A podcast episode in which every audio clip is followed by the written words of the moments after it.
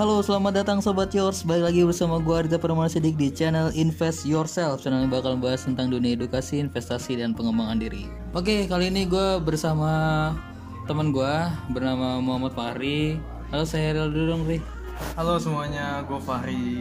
Oke, jadi pada podcast kita kali ini gue akan membahas tentang lebih kepada pengalaman kita, Fahri dan gue dalam berinvestasi di pasar modal, terutama di saham. Nah, gimana ri? Lu kenapa awalnya memilih di investasi di saham? Kenapa awalnya memilih investasi di saham? Iya. Kenapa ya? Kenapa nggak yang lain gitu? Eh, gue sebenarnya gue kan masuk saham itu mulai di investasi di saham itu kan baru-baru ini lah. ya. Hmm. Nah, gue itu sebenarnya udah lama dari SMA dari SMA dari awal kuliah itu udah tertarik sama dunia investasi itu. Cuman gue pengen mempelajarinya lebih dalam Hmm. dan gue akhirnya bisa memutuskan untuk eh, di saham ini karena menurut gue yang paling bisa gue mengerti dan yang masuk sama gue itu saham Hmm. masuk ke dunia gue lah ke lingkup yang gue kuasai itu saham Jadi emang udah dari lama banget tuh udah pengen invest di saham tapi nggak tahu gimana gimananya gitu. Iya, udah lama dan sebenarnya zaman kuliah tertarik tapi kayak mis- mikir antar aja lah gue masih pengen jajan jadi sambil itu sambil tetap mempelajari tapi nggak sih mempelajari sekarang sih jadi cuman kayak sekilas aja cuman penasaran pengen cuman belum pengen mendalami. Terus awalnya lu bisa buka rekening terus sampai invest tuh gimana tuh jadinya? buka rekening. Kalau buka rekening kan dulu kan kita waktu ya gue sama Adit nih satu kampus dulu. Ah. jadi gue dulu pas ada mata kuliah apa Adit nih buka buka Oh, apa in- apa sih itu? Indo Premier ya iya, ada salah satu sekuritas. sekuritas. Terus gue nanya lu ngapain dit oh lagi ini nih. Namanya? Buka buka buka ini Adit mulai eh, ngasih tahu gue dulu tentang lu buka ini ini ini ini aja. Gue bilang ya gue bilang dan ini kata-kata yang gue sesali antar aja gue masih pengen jajan dulu. Jadi ya dari itu gue tahu kalau misalnya gue pengen buka gue bisa nanya ke siapa. Dan karena gue nanyanya ke Adit jadi gue bukanya di tempat yang sama sama Adit. Oke. tapi dengan beberapa research ter- terlebih dahulu ya. Oke. Jadi sebelum emang baiknya tuh sebelum terjun di dunia saham tuh emang kita harus belajar dulu sih. Harus yakin dulu dengan saham itu sendiri seperti apa gitu. Jangan sampai kulitnya doang kita tahu, sampai dalam-dalamnya pun sebenarnya harus kita tahu. Gue juga awal 2017 gue awal kenal di dunia pasar modal tuh 2017 pasti juga gue juga dari teman gue teman gue tuh ke- eh, sekolah dulu di akuntansi dan dia ikut pasar modal nah dari situ gue tertarik di- karena di berita-berita orang-orang tuh pada bilang harga saham harga saham gitu. Perusahaan-perusahaan ini harga sahamnya turun. Gue jadi apaan sih harga saham? Apa sih saham itu? Gitu. Gue jadi eh, kerasa keinginan tahu gue jadi bangkit gitu. Terus gue cari teman gue dan belajar sama dia dan akhirnya ya gue sampai sekarang gitu. emang dulu 2017 tuh bikin akun tapi belum invest sama sekali. Cuma naruh duit aja udah di reksadana pas itu. Nggak tahu saham. nah, oh. jadi lu pas 2017 tuh reksadana ya? Iya reksadana gue 2017 reksadana gue masukin aja udah. Terus gue nggak mainin karena gue nggak tahu juga kan dulu. Dan entah kenapa pas setahun kemudian gue lihat dana itu dana gue yang dimasukin reksadana tuh berkembang gitu. Entah tapi nggak nggak banyak sih cuman beberapa persen. Cuma gue gue pikir ini gue dimin aja kok. Ber apa ya bertumbuh gitu dana gue dan nggak dia diambil potongan segala macam nah situ gue mulai tertarik untuk ngikut untuk belajar tentang saham dan pasar modal ini. Gue sih gitu. Nah, akhirnya baru baru bulan-bulan November tahun lalu lah 2018 itu gue mulai mendalami tentang saham mulai belajar segala macamnya di saham sampai sekarang. Nah itu lu belajarnya sama siapa tuh? Sama teman gue ada jadi dia anak Universitas PNJ ya PNJ Politeknik di Jakarta. Nah tuh gue belajar sama dia karena dia pun udah mulai duluan dari tahun 2015 jadi lu istilahnya belajar sama yang udah berpengalaman Iya, jadi gue nanya-nanya apa pun, istilah-istilah apa pun sama dia. Sama kayak misalnya Faris sekarang ke gue, kayak lu ke gue kan nanya-nanya mulu gitu kan. oh gitu ya Iya. oh iya iya Nah, gue transfer, Sama ya? gue transfer ilmunya kayak gitu. Emang paling enak sih kalau misalnya punya, punya temen, Punya terus, temen yang- nah, iya, terus kita saling sharing gitu. untungnya Adit nih nggak sombong lah ya mau di sharingin Belum, terus kalau oh saya lu sombong ngomong gue kalau lu selain kan maksudnya lu nggak mungkin belajar dari itu doang kan dari Iya. temen lu doang kan Mm-mm. sebelumnya atau setelahnya lu belajar apa dari mana gitu sebelumnya atau setelah lu nanya sama dia gitu Sebelumnya sih, sebelum dan setelah sih. Hmm. Ya sebelumnya ya gue cari cari tahu dulu tuh saham itu apa sih terus juga banyak pandangan orang tentang yang negatif-negatif tentang saham kan. kayak apa? Ya kayak misalnya saham itu judi, Oh, iya. saham itu riba, saham itu cuma buat mainan orang kaya gitu-gitu deh. Kayaknya gue riset dulu saham itu gimana sih. Nah, eh, medianya tuh banyak ya dari YouTube, dari blog, dari tanya teman gue langsung sampai gue terjun langsung gitu. Jadi gue belajarnya lang, gue bikin akun dulu, habis itu gue belajar di situ. Jadi nggak belajar dulu, baru bikin. Jadi emang ya udah gue belajar, gue bikin sekalian belajar. berarti paling enak gitu ya Iya, Iya sih, gue juga ngerasain gitu sih. Maksudnya, gue dulu belajar belajar, gue kayak "Eh, ini apa sih istilah ini apa sih istilah Nah. ini apa sih? Sebenarnya gue kebaca tapi gue gak ngerti. Hmm. Terus pas terjun langsung gitu, hmm. oh, oh baru tahu Iya. ini tuh apa ini tuh apa. Jadi sebenarnya kayak percuma gitu gak sih kalau lu belajar tapi lu nggak nyobain. Nah, itu. harus belajar, berarti harus belajar sekalian nyobain gitu ya. Tuh, nah, nanti masalah cocok nggak cocok kan masalah belakangan istilahnya gitu. Emang nggak semua orang cocok di saham. Jadi ya kalau emang kalian nggak cocok ya udah kalian tinggalin aja gitu. Atau kalian cocoknya lebih ya ke properti atau ke tanah ya atau ke emas bisa-bisa aja. Kan ini salah satu media juga nih investasi. Terus kalau lu awal mula invest di saham itu apa yang lu lihat dulu dari saham itu tuh apa gitu kenapa bisa lu kan pasti kan kita juga pengen untung gitu ya kenapa sih saham ini kita pilih gitu ya kan sebagai salah satu Dulu pertama kali atau sekarang? pertama eh, ya sekarang sih Sekarang. kan udah invest saham sekarang nih Oh ya.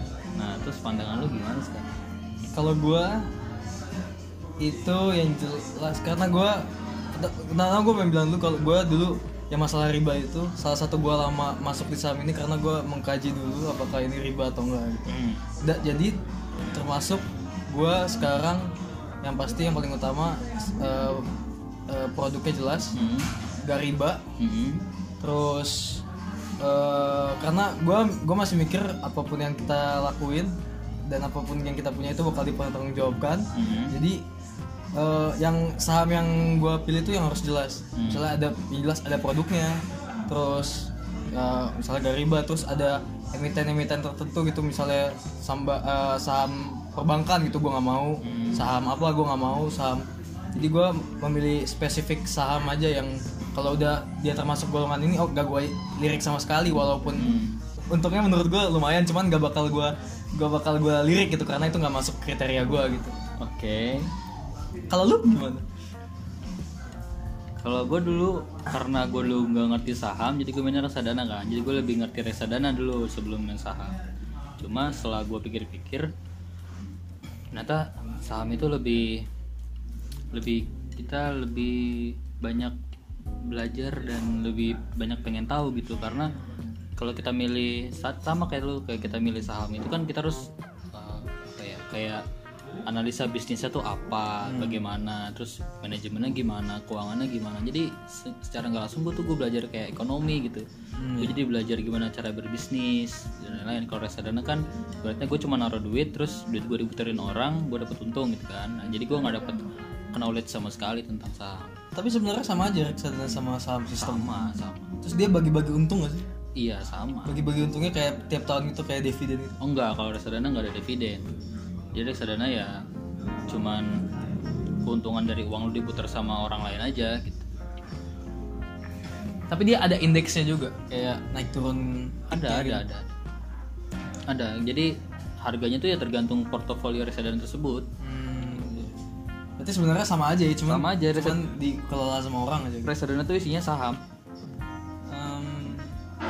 terus kenapa nggak kenapa akhirnya lu memilih buat berarti sekarang udah nggak reksadana lagi? Eh, reksadana masih ada satu. Itu yang gua keep aja dari dulu. Masih ada. dari yang lu 2017 itu? Masih? Masih. Masih gua keep. masih sering gua tabungin. Oh, masih masih lu input ke situ? Masih tapi sekarang lebih banyak ke saham.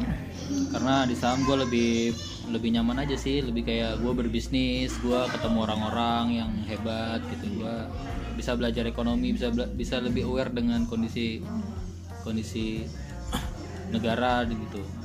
Jadi gue tahu gue tahu istilah-istilah yang orang-orang lain bingung gitu. Tuh. Lalu gimana? Awal awal di saham seneng apa takut atau gimana? Awal di saham.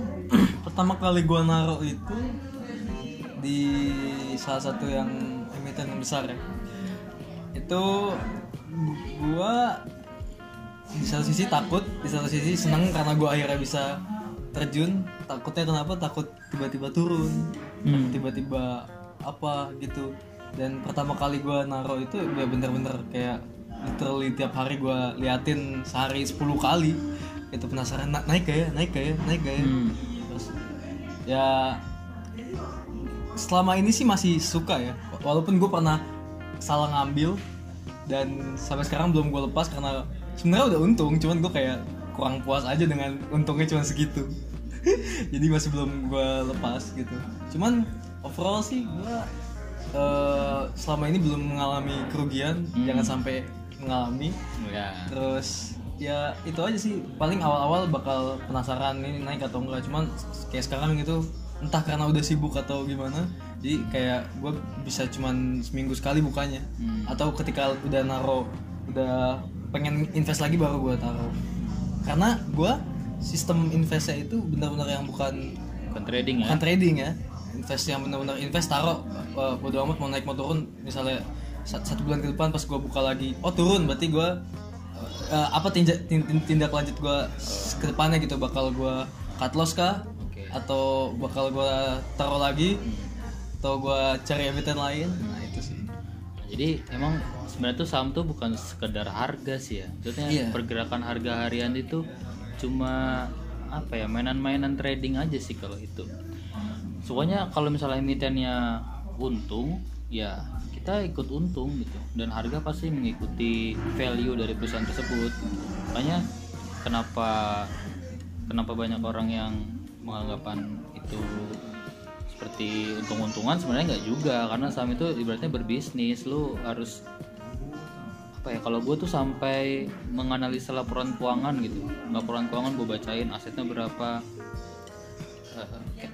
cash, cash flow-nya gimana gitu gitu produknya gimana ada rumor-rumor apa nah, itu jadi nggak tapi lu kan nganalisa sebanyak itu kan Ah. gue gue juga kan- ada ada lah gue analisa tapi kayaknya nggak sebanyak lu gitu. Nah yang pengen gue tanya rumor itu ngefek gak sih? Ada ini gak sih maksudnya kayak ah rumor ini bakal turun gitu.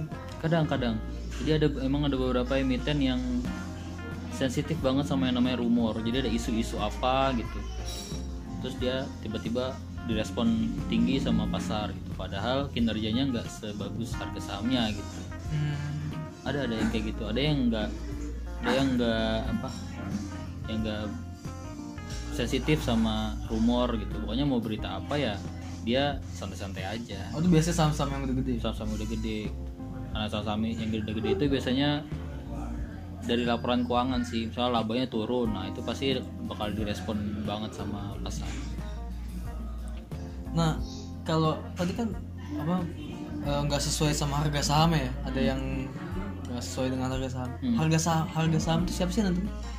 jadi sebenarnya kalau di saham itu penjual dan pembeli sih jadi di pasar saham itu nggak nggak lain nggak beda karena penjual dan pembeli terus dasarnya itu adalah prinsip ekonomi sederhana kalau misalnya barangnya Supply and sedi- demand. iya supply and demand. Jadi barangnya dikit berarti harganya bakal naik.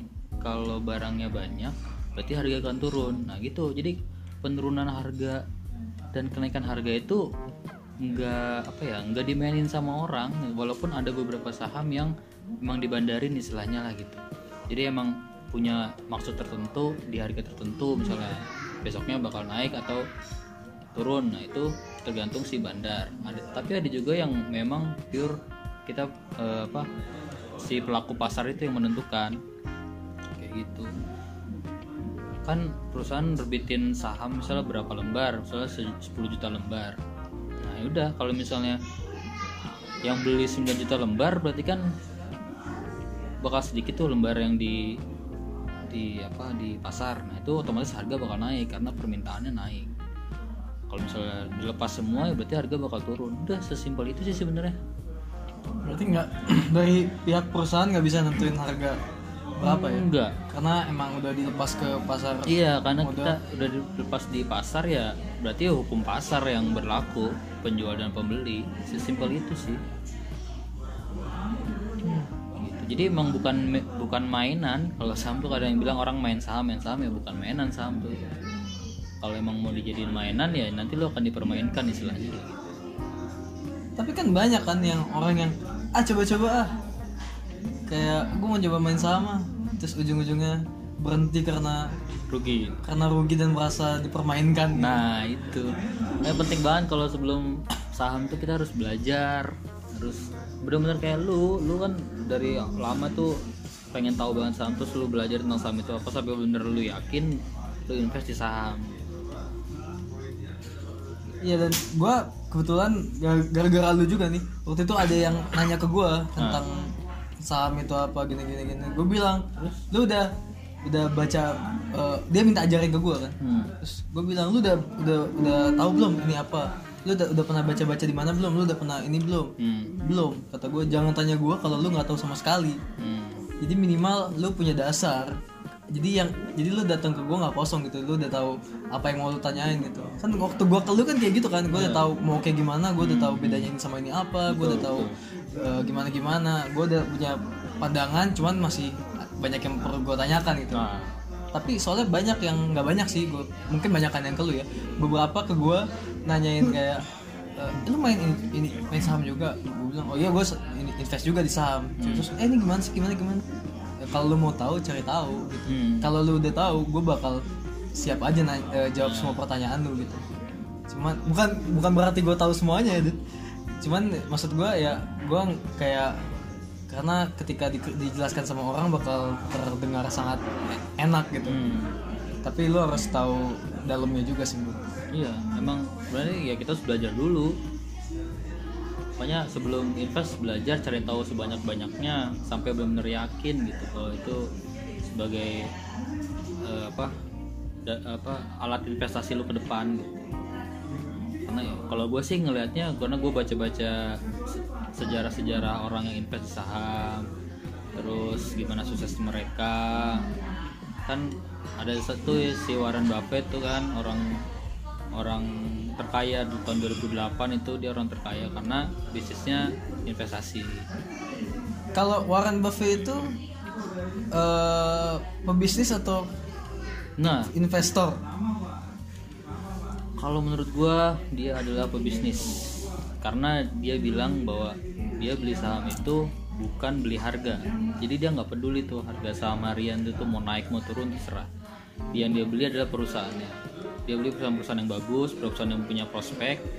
Nah pas itu kisah kesuksesan dia tuh pas dia beli saham Coca-Cola.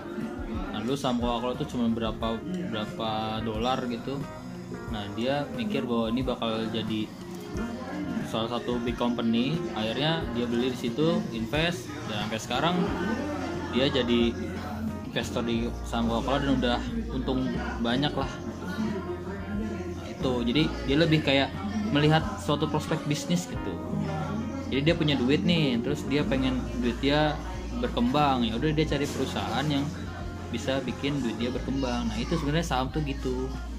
Jadi kalau kita mau menggunakannya sebagai ajang berbisnis ya seperti itu pandangan kita. Tapi kalau misalnya mau ajang judi ya bisa juga. Nggak ada yang nggak ada yang bisa di saham. Lu mau judi juga bisa kalau lu pernah nggak ngejadiin itu jadi ajang ajang, ajang judi gue sebisa mungkin sih enggak.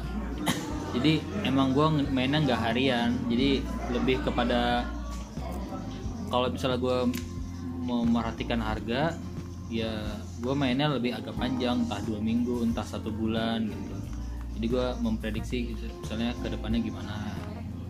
Cuma kalau harian gue nggak nggak berani karena ya tadi gue juga kalau misalnya nginvest di sesuatu butuh butuh landasan kuat gitu kenapa gue naruh saham di situ.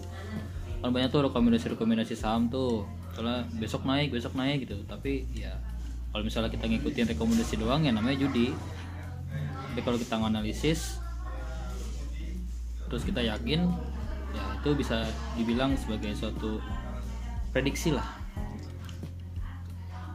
lu ikut gak kan kan kayak ada banyak yang grup-grup Banyak gitu, banget. yang isinya banget. tentang rekomendasi ini rekomendasi itu. Banget. lu ikut gak banyak banget. Ya makanya awal-awal gue mencari jati diri di saham asik Iya. cari jati diri di saham itu ya gue ikut gue gue pokoknya cari beberapa grup saham entah dari Instagram dari Telegram dari WhatsApp dari WhatsApp. Itu semuanya gue semuanya tuh gue ikutin gitu. Supaya gue tahu gimana sih obrolan-obrolan orang saham tuh kayak gimana. Nah yaudah ternyata gue tahu banyak banget di situ gimana cara ya gue banyak belajar lah jadinya dari orang-orang yang udah pro dan udah lama di saham gitu. emang kalau misalnya di saham tuh sebenarnya mahal. Gue tuh pernah lihat ada kalau misalnya kita mau ikut seminar saham tuh sampai belasan juta sampai tiga ya puluhan juta pun ada gitu. Hampir dewa ada ratusan ribu sampai belasan juta sampai puluhan juta tuh ada. Kayak yang ini Dit, yang sebenarnya kita pengen ikut cuman mahal banget apa? Stop gasm itu. Iya kan? Kita kita sangat interest untuk ikut ternyata berapa? 4 juta ya? 4 juta. 4,2 5,2 Nah, itu semahal itu. Maksudnya kalau untuk belajar di pasar modal semahal itu tapi sih kalau gue lihat ya itu sangat worth, Worth it ya it. buat pemula terutama buat Worth kita it, ya. kalau gue punya gue dan lu punya duit gue yakin kita bakal ikut. Iya iya walaupun kita merasa udah bisa tapi tetap Ah, butuh belajar juga kan. Lagi ya bagus gitu loh. Ya, tapi ada yang sampai belasan juta sampai puluhan juta. Ada yang cuma sampai ratusan ribu. Nah tapi gue nggak cari itu. Makanya gue share tentang saham itu ke siapa aja yang mau belajar ya ayo. Karena gue juga dapetnya gratis dan ya walaupun gue nggak bisa bisa banget seenggaknya ya gue udah mulai duluan lah gitu. Pengalaman gue udah lumayan lah berapa bulan ini gitu. jadi bisa sharing. Malah kadang orang yang gue ajarin yang gue ajarin itu lebih cuan gitu daripada gue gitu. Ya Ria saya no comment kalian iya kadang ya, para newbie newbie ini pada cuan-cuan newbie. Biasa lah cuan newbie gue juga beginner's luck lah. Bergenis lah gue dulu juga gitu. Biar seneng biar seneng. Sengaja ini. Iya sengaja biar senang dibikin cuan. Di situ nggak tahu deh. Ya, semoga ya. Eh, cuman lu apa ya? Eh definisi cuan lu tuh gimana? Definisi cuan maksudnya u- u- untung ya kan cuan untung Ah. jelas lah. Buat yang nggak tahu definisi. untung lu ya di- definisi untung itu kalau kita nggak rugi. Nggak di saham gitu. Ada yang naik naik dua persen naik tiga persen diambil. Itu udah ah yang penting gua udah naik. Gitu. oke ya gue karena gue trend follower dan ya apa ya kalau misalnya gue analisa ini masih bisa naik ya gue tahan. Atau emang perusahaannya bagus ya gue tahan aja gitu kalau emang nggak bagus atau ada arah pembalikan ya gue jual entah berapa yang penting lebih dari 5% lah Oh gitu. Kalau lu kan kata lu ya, sekarang lu kan udah mulai ke invest ya, kan udah nggak mau nggak mau. Kalau dulu kan lu aktif banget trading Iya. tuh kayak gue Betul. ngeliat kita kan dulu sering banget bareng dan gue kayak ngeliat lu ngeliatin Iya, gua trading mulu terus Iya. iya nih gue hari ini gini segini segini segini. Nah. Sekarang kan lu bakal berubah ke invest kan? Iya. Bakal. Kalau misalnya nih emiten lu dari dari banyak emiten yang lu pegang itu Hmm. ada satu yang naik 15% lu, lu bakal tarik bakal apa bakal lu tarik gak? Bakal lu sell gak? Karena udah naik 15% nih Atau lu hold? tadi tergantung emitennya kalau Oh, gue iya sih. kan ada kayak legacy stock gitu kan kayak Hmm. pokoknya gue pengen keep ini buat diwarisin lah gitu Iya, iya, iya. ya udah gue tahan aja terus sampai kapan pun ada yang cuman ngikutin tren aja kalau tren lagi naik ya gue kalau tren lagi ada pembalikan ya gue jual. Tuh.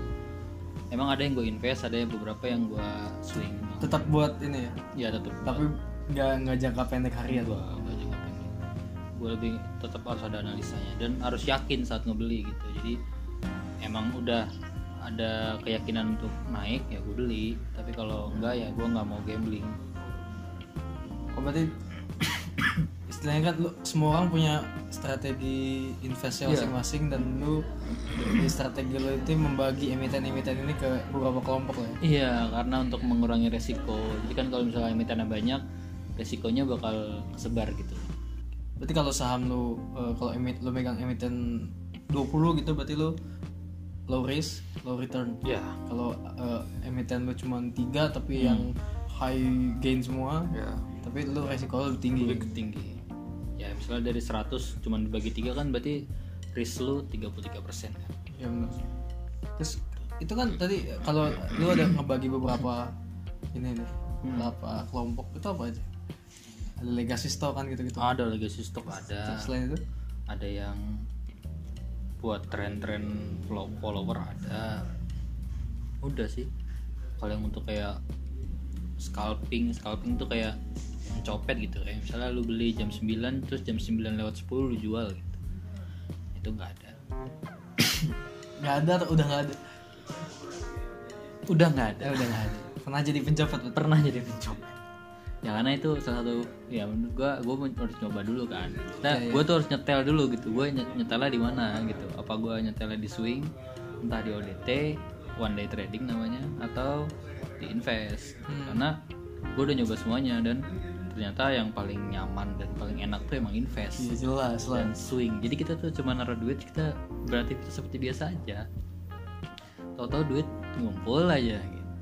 Tapi ini bener loh ya maksudnya gua kan dari dulu gue dari dulu kan emang pas gue bilang ke lu gue nggak mau trading gue mau invest terus bodo amat. Iya. sebulan kemudian gitu walaupun pada faktanya tetap gue liatin dulu ya kan? Iya. tapi ini bener-bener real. Gue yang eh, emiten pertama yang gue ambil itu itu untungnya itu ya istilahnya modal gue cuman modal gue cuma 2 juta waktu itu. Untungnya dalam sebulan dua ribu gitu.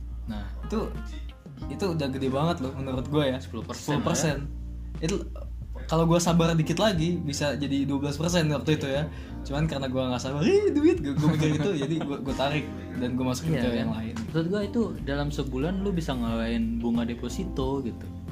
Berarti lu terus 100 juta pas itu terus naik 10% 10 juta udah tuh udah sama kayak deposito gitu. tapi mas bedanya aduh, Bedanya ini nggak riba aduh Iya. jangan bahas riba aduh ntar lah ya kita kapan-kapan bahas riba kali itu iya. Terus bedanya ini ada risikonya gitu. Risikonya ya kalau misalnya turun ya turun turun. Gitu. kalau di deposit des, despasi itu kan deposito itu Pasti. eh, pasti pasti dapat kan Pasti. Karena itu emang udah di udah pasti. Jadi Ya, pasti ya?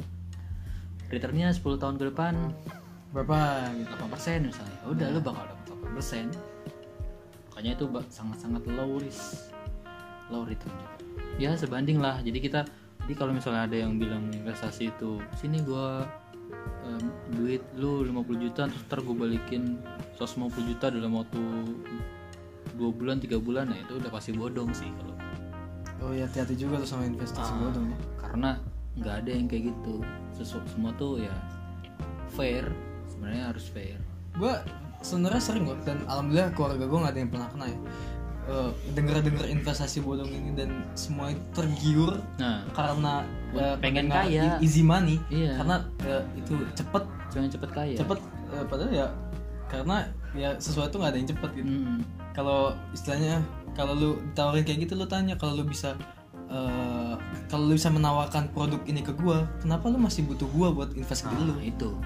Kalau dia bisa kayak gitu harusnya dia bisa ngelakuin itu sendiri dan dan Iya, easy betul. cuan easy easy money gitu bagi dia dan ngapain ngasih tau orang-orang lain gitu? Iya betul. Makanya itu yang banyak banget orang kena tipu karena sifat greedy sih. Gue dulu juga di saham awal-awal tuh emang niatnya tuh pengen cepet kaya sebenarnya. Oh gitu? Iya. Pengen cepet kaya gue pokoknya pengen cepet kaya aja di saham. Dulu Cuma- ya? dulu. Sekarang sekarang? Perlahan lah. Apaan dengan perlahan aja biar enak gitu kan. Jadi dulu tuh emang pengen cepet kaya jadi ibaratnya apa ya? Eh, pokoknya gue langsung all in aja dana gue gitu. gue langsung beli aja. Tanpa gue lihat. lihat gimana chartnya segala macam. Gue tau gue tau perusahaannya gue tau produknya gue tau ini perusahaan bagus. Tapi gue gak ngeliat chart gue gak ngeliat apa ya kayak isu-isu atau fundamental apalah segala macam gitu. Gue cuma lihat perusahaannya bagus produknya ada. Udah. Gua all in berharap gain besar kan. Tau taunya salah. Malah gua loss hampir berapa? 800 ribu lah itu masih pem, masih, masih awal, awal, ya. itu. Itu itu dua sangat- bulan dua bulan pertama sangat itu nyesek ya? sangat nyesek sekali. Tapi memang sebenarnya lebih baik kita tuh jatuh dulu sih. Oh gitu ya? Ah ah. jadi berarti gue nggak baik ya?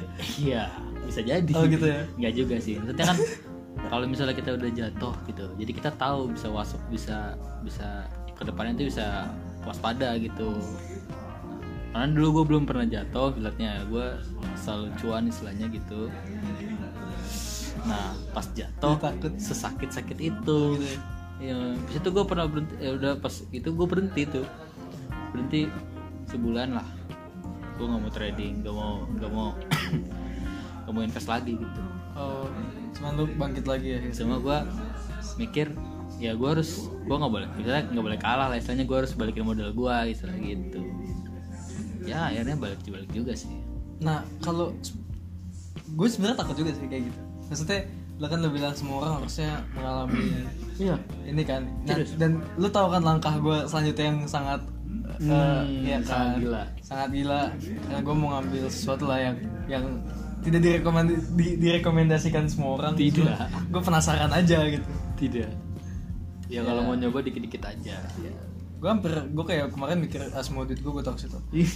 Nggak maksudnya semua duit gue gue kan punya bulanan masukin berapa kan. Ah. semua duit bulanan gue bakal gue masukin situ kan. Terus gue mikir lagi kalau ini gue nyesek juga mati jangan deh. Iya. Tapi ya semoga aja ya nggak nggak kejadian. Tapi gue karena emang purely penasaran sih. Karena belum pernah nyoba kan kalau yang gue ini. Lu Yang pernah itu, belum. belum. Sama sekali. Gue nggak emang gue baca baca dari mana pun itu nggak bagus gitu bahkan fund manager yang gede-gede pun nggak merekomendasikan itu. Sebutin aja. Hah? sebutin aja nggak tahu. Iya. I- apa gue gue pengen beli saham IPO. Ya IPO itu kayak saham yang baru melantai di bursa gitu. Baru banget. Sehari gue beli Iya. langsung. Kan biasanya orang beli yang udah lima tahun Iya. 10 tahun nih baru lahir nah istilahnya. itu itu itu sangat sangat identik dengan perjudian sebenarnya. Iya ya. Karena cuman gue ngeliat dan gue gua, gua masih meng- mengkaji lebih dalam sih. Ini eh, produknya jelas Heeh. dan menurut gue produknya ini gue karena gue milih yang produknya banyak dipakai orang Hmm. dan menurut gue ini produknya banyak dipakai oleh produk lain yang produknya dipakai orang. Oke oke. Jadi kayak cut, cut, cut, cut, Iya, gitu. jadi emang dia dibutuhkan lah ya. Dia dibutuhkan menurut gue ya. Tapi ya sebenarnya agak gambling sih. Agak ya cuman gue karena gue ngelakuin research sebelumnya jadi gue nggak merasa. Iya. jangan jangan beli saham IPO iya tapi gue masih penasaran. Kalau udah- lu nggak bisa melarang gue kalau udah pro nggak apa-apa sih. Ya nggak apa-apa lu nyobain satu lot atau Iya. dua lot. Gue pengen langsung 20 lot gitu. Ya udah lah ya. Boleh. Emang menggiurkan saham IPO tuh sehari langsung naik 50% iya cuman gue langsung auto kaya. Ya, kita lihat lah ke depannya gimana ya. Nah kalau lu kan tadi bilang lu di awal-awal pengen cepet kaya. Mm-mm. Ya, maksudnya eh, ngambil saham karena invest di saham karena Iya. kalau sekarang itu lu pandangan 10 tahun ke depan ada kan lu pasti pandangan? Ada. itu buat apa? Gua sekarang lebih pandangan kepada pensiunan sih. Oh gitu? Lebih kepada pensiun terus gue mau apa yang bisa gue wariskan gua wariskan ke generasi berikutnya ya dari saham. Tapi kan oh, bisa lu wariskan ke ini generasi selanjutnya. Saham itu kan bisa diwariskan kan? Bisa. Hmm, siapa bilang nggak bisa? Bisa ya malah lebih nggak termakan zaman istilahnya. Kalau misalnya eh, barang-barang lain kan bisa aja rusak atau hilang gitu kan.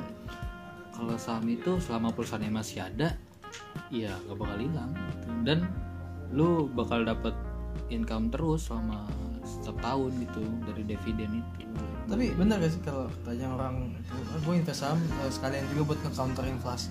Iya. Bisa kan? Bisa jadi emang salah satu instrumen yang untuk mengcounter inflasi itu dari saham. Kalau kita invest di emas itu mempertahankan nilai kekayaan. Di emas? Emas. Jadi lu beli emas nih lu beli emas nih itu berarti lu lagi mempertahankan kekayaan lu. Biar nggak berkurang dari inflasi. Itu sih yang gue sering baca dan gue denger. Ya Eh, tapi lu kalau gue tau lu saham? Tahu tahu nah gue kalau waktu gue bokap gue waktu tahu oh bagus lah kalau gitu tapi waktu nyokap gue tahu itu nyokap gue langsung bilang kamu ngapain saham gitu, "Eh, invest di ini aja di emas. Nah. Terus gue bilang kayak "Eh, ah nggak enak ah emas. Eh, ntar susah jual. Gue mikirnya gue gue mikirnya gitu doang ya. Cuman banyak alasan lain. Kalau lu kenapa?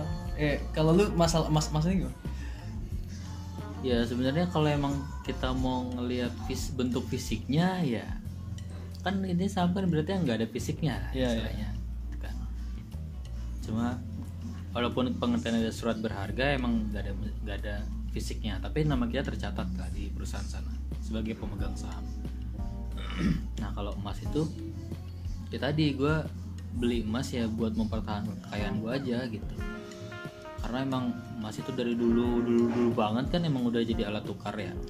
Udah jadi komoditas yang utama di dunia gitu ya bagus juga sih. Gua gua juga pengen sih invest di emas. Tapi untuk mempertahankan kekayaan gua aja. Nah untuk yang membuat kekayaan gua bertumbuh ya di saham. Gitu ya? Mm-mm. Eh, mis- misalnya nih setelah eh, eh, setelah beberapa tahun gitu lu pengennya kan ini di saham nih. Hmm. Eh, instrumen lain apa sih yang pengen lu invest gitu selain saham dan emas Misalnya kayak bokap gua punya apa Iya, kalau orang-orang dulu sih bilangnya ya punya kontrakan ya kan. Kalau punya kontrakan udah pasti pasif pasif income-nya bagus lah maksudnya. Pasti orang butuh rumah lah istilahnya gitu. ya, tapi kayaknya gua nggak kurang tertarik sih dengan bisnis Oh, properti. oh ya waktu itu lu pernah bilang gue pengennya punya kontrakan Hmm, punya, pengen, tapi Pengen. bukannya kayak cuma punya ikut tahu punya satu atau sampai lima lah, udah gitu. oh gitu ya Nah, nggak mau banyak-banyak. oh karena ternyata ngurus sekarang juga mahal ngurus pajak tanah Iya, bikin rumah mikirnya terus biaya renovasi nah ngomong-ngomong pajak tanah nih di saham itu pajakannya gimana sih? Lu nah nggak? itu yang paling enak tuh di saham tuh kita udah diurusin pajaknya sama sekuritas. Oh ya? Masih iya. Jadi kita nggak ibaratnya nggak usah melapor di pajak. Gue gue sebenarnya gue gue belum gue karena gue belum bagi-bagi dividen atau apa gue nggak ngerti sebenarnya. Iya. jadi eh, itu udah diurusin? Udah jadi kalau misalnya lu dapat dividen atau dapat misalnya lu jual sahamnya itu udah, udah otomatis kepotong pajak. Oh. Dari nah Oh. jadi, jadi pajak lu tuh udah satu sama sekuritas. Ini sekuritas yang bayar pajaknya M- mungkin itu alasan kita masukin NPWP kan lu masukin NPWP dulu? Oh, lu kan masih kan gue dulu ya, pelajar iya. Dulu ya? oh iya kalau gue dulu masukin NPWP dit. Nah, kalau gue pelajar dulu. Mungkin gue karena itu kan ya. tapi iya sih ya. Eh gue pernah deh dapat dividen dari satu lot gue itu. Ya, cuman akhirnya cuma dapat dua ribuan. Iya. Itu itu udah kepotong pajak. Udah Gua potong baru pajak 10 ingat. persen. Itu potong pajak 10 persen. Jadi gue sih belum tahu ya maksudnya mekanisme apakah kita harus melapor apa enggak. Tapi selama gue baca tuh emang kita nggak nggak usah harus melapor. Karena kita udah di, udah dipotong pajak. Ya mungkin nanti gue tanya dulu ke iya mungkin dipastikan lagi. Pastikan lagi. Tapi sih gue yakin enggak sih. Iya karena kita udah potong pajak kan. Karena dan gue karena gue masuk ke NPWP Ah. menurut gue nggak nggak- nggak logis aja sih. Buat apa NPWP kalau dia nggak nggak ngegunain itu kantor gue butuh NPWP karena gue pajak gue di, di kantor nah itu Nah, kasarnya kan tadi eh, apa namanya investasi buat eh, ber- berkembang, berkembang, ber- berkembang. Lu ada gambaran singkat gak sih gimana sih bisa kaya dari investasi? dari saham Iya dari saham. Kalau gue ya, kalau gue mikirnya gini. Kalau gue dulu mikir eh, dari saham gue dulu ada pandangan dari saham itu dari investasi saham itu kita bisa return 10% per tahun. Gue dulu pandangan gua. 10% per tahun? Ah, bisa nggak? Bisa kan bisa. Mungkin. Mungkin banget. Nah cuman gue sekarang me- menurunkan jadi 5% anggaplah 5% Didit. Hmm. ini buat semua yang ini. Eh, yang penasaran apakah worth it atau enggak. Misalnya lu di saham lu itu ada 100 m. Mm-mm.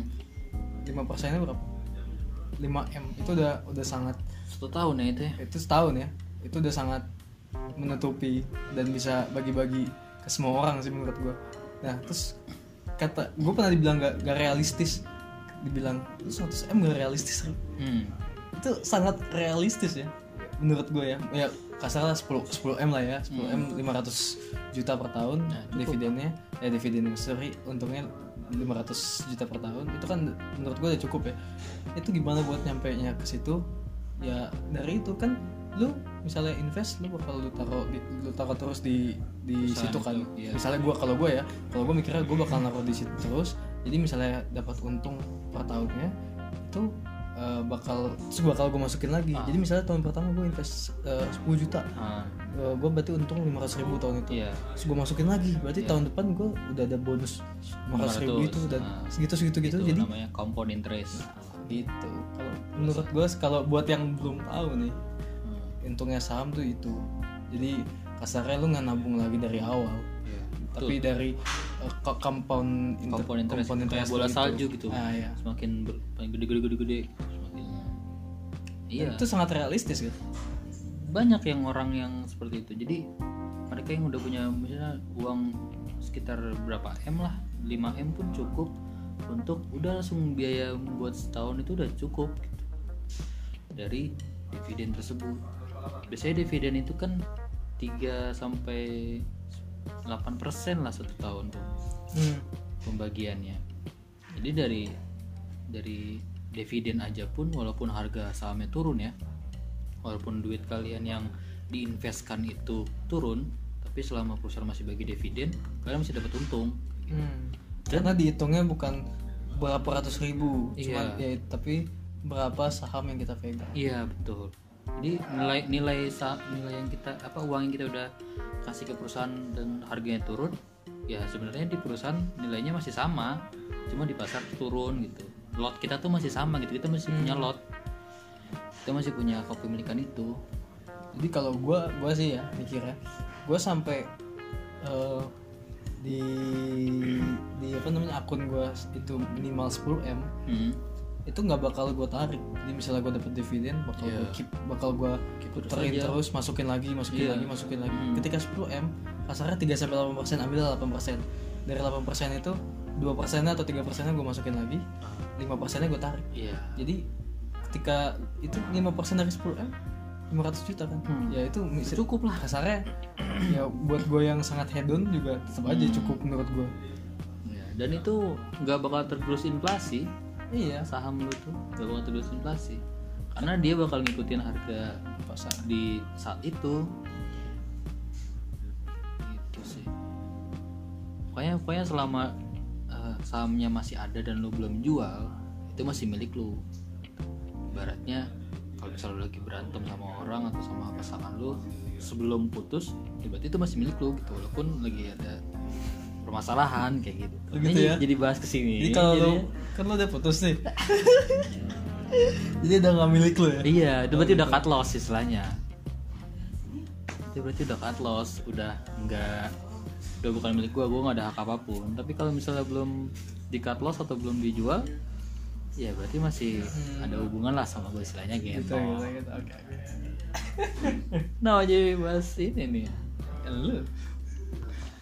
Ya analoginya gila gitu, analoginya kayak gitulah. Eh, Ri, kayaknya kita udah kepanjangan nih. Kita udah melenceng dari podcast tujuan awal kita itu membahas saham. Kenapa jadi bahas perasaan sih? Eh, Oke, ya mungkin segitu aja kali ya, Ri ya. Bahasan kita tentang gimana pengalaman kita investasi udah banyak banget tuh.